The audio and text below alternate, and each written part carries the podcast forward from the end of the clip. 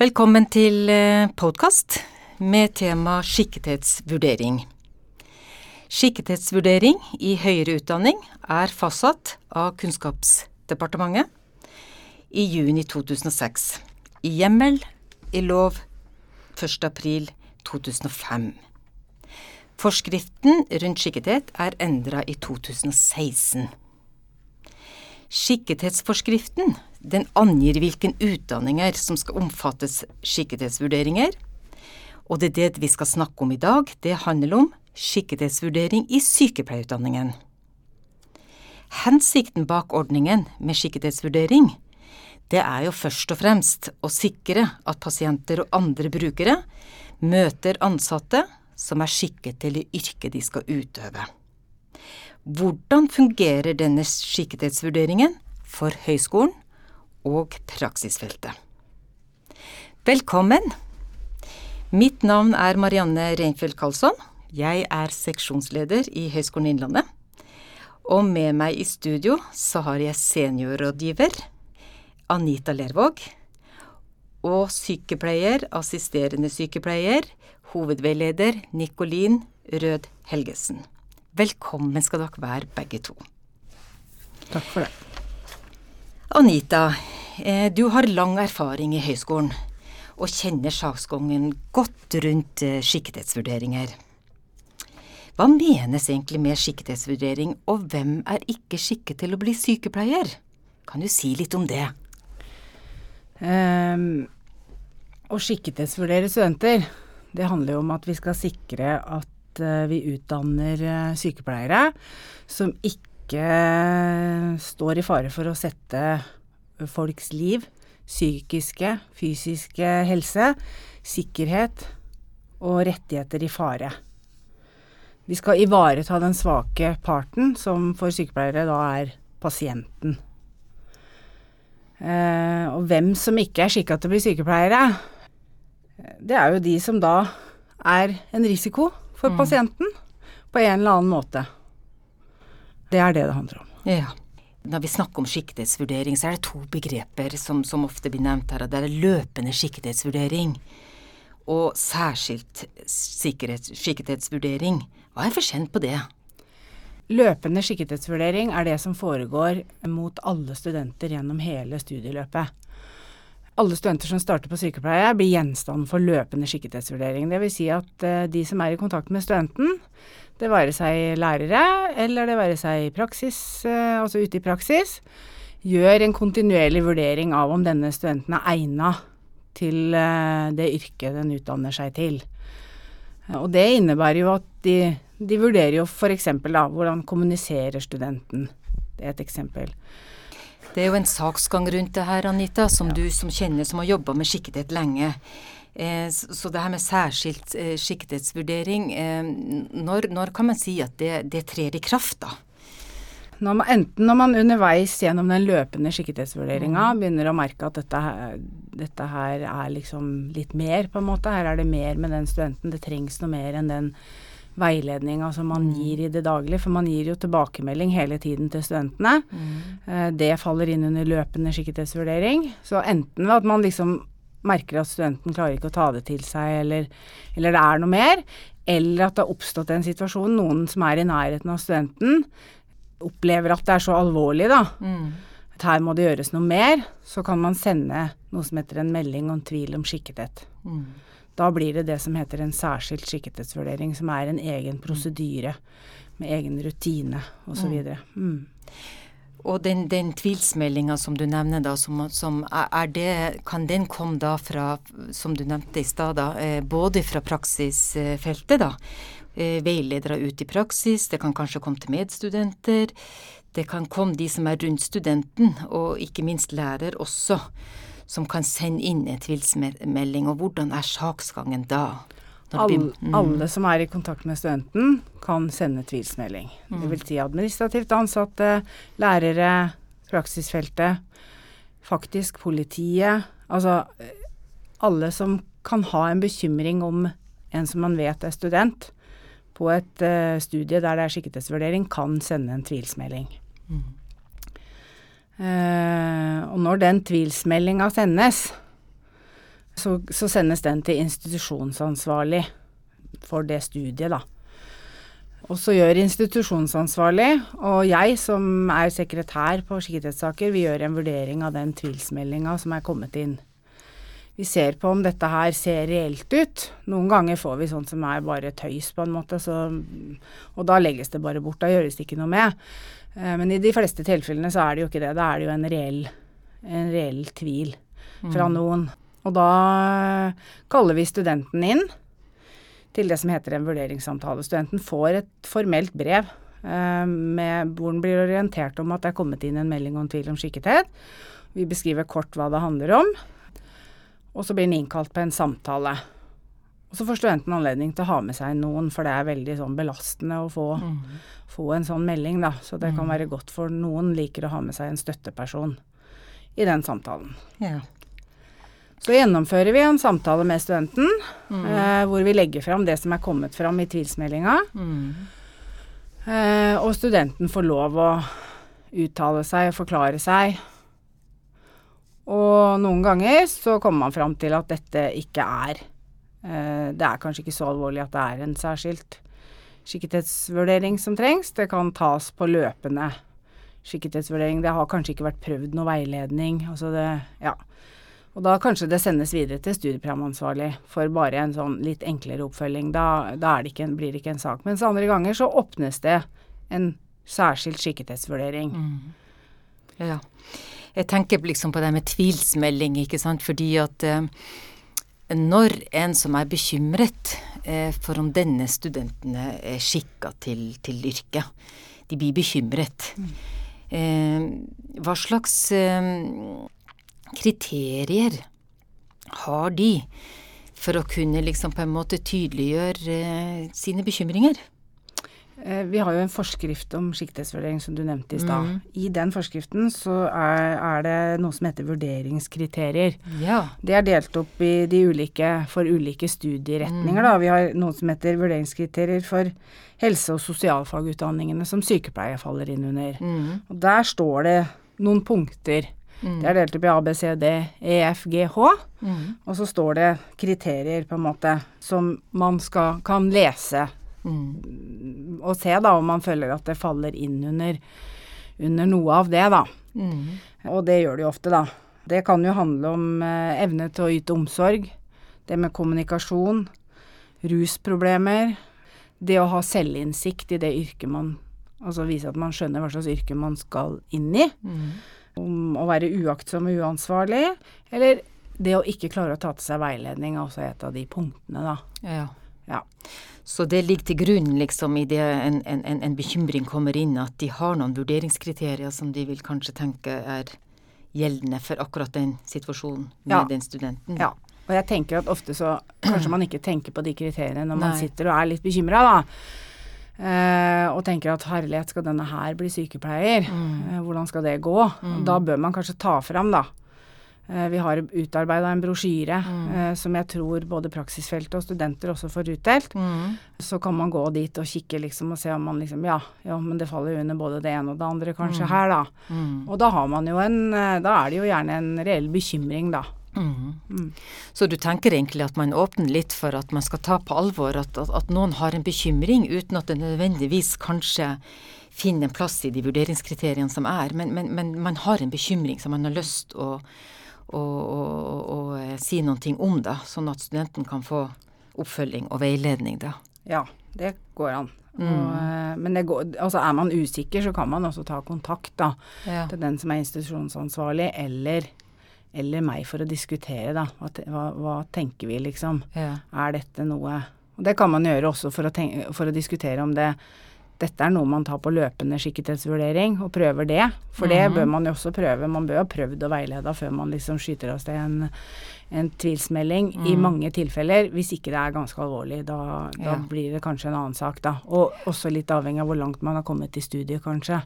For det er liksom noe med Det må jo være gjort før man er ferdig på studiet. Ja. Eh, Og det er jo det som du sier kanskje, at eh, det med særskilt eh, skikkethetsvurdering, det, det er noen kriterier, men det er likevel rom for å, å dele bekymringene sine og, og, og diskutere om, om, det her er aktuelt å gå videre med. Men, men, da er det jo på en måte en melding som, som, kommer frem, og som bør kanskje være skriftlig, da.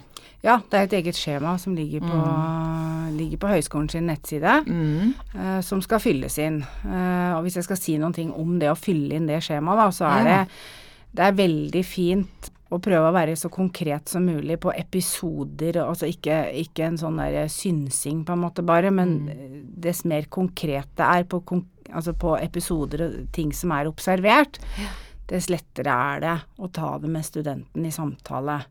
Og så kan man også gjerne gjøre en vurdering av de kriteriene som står i forskriften, mm. da, altså liksom hvilke man mener de, mm. denne studenten da det knytter seg tvil rundt, da. Mm. Eh, hvilke av de punktene. Uh, og hvis man trenger veiledning i utfylling av dette, så kan man også kontakte for det, for det, det kan være ålreit liksom sånn at man får en, en godt utfylt tvilsmelding hjelper godt på. Ja. På samtalen og også prosessen videre. Ja. Så det viktige er å få være konkret og tydelig, og det er også viktig for skolen, men det er også viktig for studenten, mm. kanskje. Mm. Ja. At forstå hva er det egentlig jeg har fått en tvil på. Mm. Eh, sånn at eh, utfordringa ligger jo her både til lærer og praksisfelt, at når man skriver en, en, en rett og slett en skikkethetsvurdering, så må man prøve å være konkret, da. Mm. Ja, det er konkrete eksempler. Så hvis man mm. merker at man begynner å stusse over noe, lurer på noe med en student, så mm. er det lurt å begynne å notere. Og gjerne så konkret som datoer og episoder og altså mm. For å ha det. Kanskje det ikke blir noen ting av, og da er det greit, da kan man makulere det. Men mm. uh, hvis det blir noe, så er det veldig nyttig å ha de mm. konkrete episodene. Det er veldig mye lettere mm. senere. Eh, er det sånn at uh, sånne saker, løpende skikkethetsvurderinger, ikke er, er, veldig dårlig dokumentert og ikke går videre, på en måte? At det er manglende dokumentasjon, tenker du? Er, er, det et problem, eller? Ja, jeg tenker noen ganger at det er et problem at en student har gått en stund, og så kommer det en tvilsmelding, eller det kommer noe, da. Og mm. så er nok dette en utfordring som har vart over tid. Mm. Og da, ser, da, er det litt rart at ikke, det ikke foreligger noen ting. Mm. For det må jo ha, det må ha vært noe før. Og jeg tror at mange tenker at det, de ikke skal skrive det kanskje i evalueringsskjema til studenten fordi studenten skal ha en fair sjanse neste gang den har fått en tilbakemelding, mm. og kanskje den tar seg sammen eller gjør noe med det som er utfordringen. Mm. Da. Men det er veldig greit å vise til at det er en historikk når det først dukker opp en sak. Så mm. dokumentasjon er en utfordring. Ja, akkurat. Det å tydeliggjøre det også, og, og få det godt frem, liksom. Ikke mm. sant. At det ikke går for for lang tid, for det, det, det vinner jo verken eh, student eller praksisfelt eller høyskolen på, at det er dårlig dokumentasjon, og, og, det kan være vanskelig å håndtere saken, rett og slett. Mm. Ja. Er det sånn at uh, studentene er godt orientert om at de kommer inn i sykepleierutdanninga, så er de med i en løpende sikkerhetsvurdering? at de vet hva det egentlig dreier seg om? De skal vite det. det. Det gis jo informasjon om det. Eh, det ligger jo ute på, på nettsidene våre. I tillegg så pleier det å være en runde i klassene eh, hvor man er mm. institusjonsansvarlig, pleier å gå rundt og rett og slett informere og presentere seg hvem hun han er, eh, og gir informasjon om hva det mm. handler om. Men jeg tror ikke studenter skjønner det allikevel, for jeg tror de tror at idet de har fått en tvilsmelding, så er det rett ut. Ja. For det det er mye informasjon i starten, og det er kanskje ikke så lett å få med seg alt. Og man tror kanskje ikke det gjelder seg, og så fester det seg ikke så fælt heller, kanskje. Og så har man hørt om dette, og, mm. og så tror man det hvis man får en tvilsmelding. Ja, også som du nevnte, kanskje det her òg, at, at, at, det føles veldig sånn alvorlig ut. At det kan kanskje ikke gjelde meg, men det mm. handler jo om en dannelsesprosess, da. Mm. At man kan få en løpende skikkethetsvurdering som kan, eh, kan avverge en særskilt skikkethetsvurdering, at man kan følge studenten godt opp, da. Jeg tenker jo at de fleste Altså, den løpende skikkethetsvurderinga er den viktigste, og det er ja. den som er best for studenten, hvis du klarer å ta ja. det på løpende skikkethetsvurdering på en ok måte, sånn at studenten, studenter som kanskje ikke egner seg, da, mm. innser det selv, da, at dette var ikke mm. yrket for meg det, det er å, å, velge selv å avslutte hvis de ikke er egna seg, eller at de får veiledning underveis som gjør at de på en mm. måte skjønner hva de må ta tak i og gjøre noe med, da. Mm.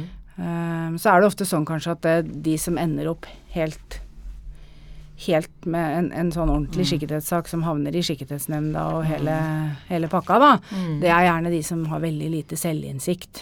Og da vil de ikke ta denne veiledningen underveis. De tar ikke, En løpende skikkethetsvurdering når ikke fram. Uh, og da, da, er det jo egentlig ikke noe annet håp enn Da må man jo gå til særskilt skikkethetsvurdering, da.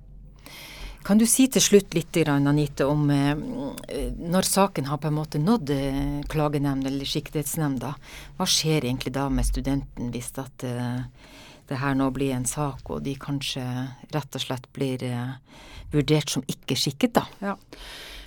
Sånn etter at du har hatt vurderingssamtale med studenten og finner ut at det er, en, eh, det er grunn for å ha tvil om denne studentens skikkethet, så bestemmer man at da skal det settes inn noen tiltak. Da får jo studentene tilbud om utvida veiledning og oppfølging, heter det. Da er det en liten pakke med noe ekstra som ikke andre studenter får. Som er ment for å hjelpe studenten for å bli skikka. Mm. Eh, så følger den det opplegget, forhåpentligvis. Og så gjøres det en ny vurdering når det er ferdig om den utvida veiledning og oppfølginga har nådd fram. Har det, har det, hatt den effekten vi har ønska at det skulle ha? Mm. Hvis det ikke har det, hvis det ikke har hatt tilstrekkelig effekt eller ikke effekt i det hele tatt, mm. så må man sende saken videre. Og da er det sende saken videre til eh, Skikkethetsnemnda i høyskolen. Mm. Uh, og der skal, jo, der skal, jo, all dokumentasjon følge, og studenten er uh, orientert mm. og får det tilsendt. Uh, all, all dokumentasjon. Eh, det utlyser også eh, rett til å få dekt kostnader til advokat for studenten, mm. når det er kommet til det punktet der. Så gjør skikkethetsvurderinga en vurdering, skikkethetsnemnda mener jeg, en vurdering av mm. det som foreligger. De kaller ofte inn studentene også, så studenten får si noen ting. Ja. Blir spurt om spørsmål og ja. Mm. Får liksom et, prøver å danne seg et godt bilde av den studenten. Og så gjør de en beslutning. Ja. Eh, eller en innstilling, heter det da. De innstiller på om de mener at studenten er skikka eller ikke. Og hvis de mener at, student, at, det er dokumentert at studenten ikke er skikka, så mm. sendes den til klagenemnda til høyskolen, som ved, gjør selve vedtaket. Og da vedtar klagenemnda at studenten ikke er skikka, og så blir man utestengt fra dette studiet. Altså som sykepleier da, så blir du utestengt fra alle sykepleieutdanningene i hele Norge. Du kan mm. ikke studere sykepleie noe sted i den perioden du er utestengt. Mm. Du er ikke utestengt for alltid. Du er utestengt for fem år, sa du? Maks fem år. Maks fem Max Fem år. Ja. Mm. Eh, som oftest er det nok tre, mm. eh, men maksim, maksimalt fem år, da. Mm.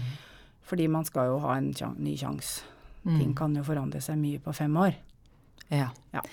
Eh, og da må de søke på nytt igjen, da må de søke vanlig opptak, eller er det sånn at de kommer inn igjen da, og hvordan foregår med de som er utestengt da? Blir det en ny samtale, eller?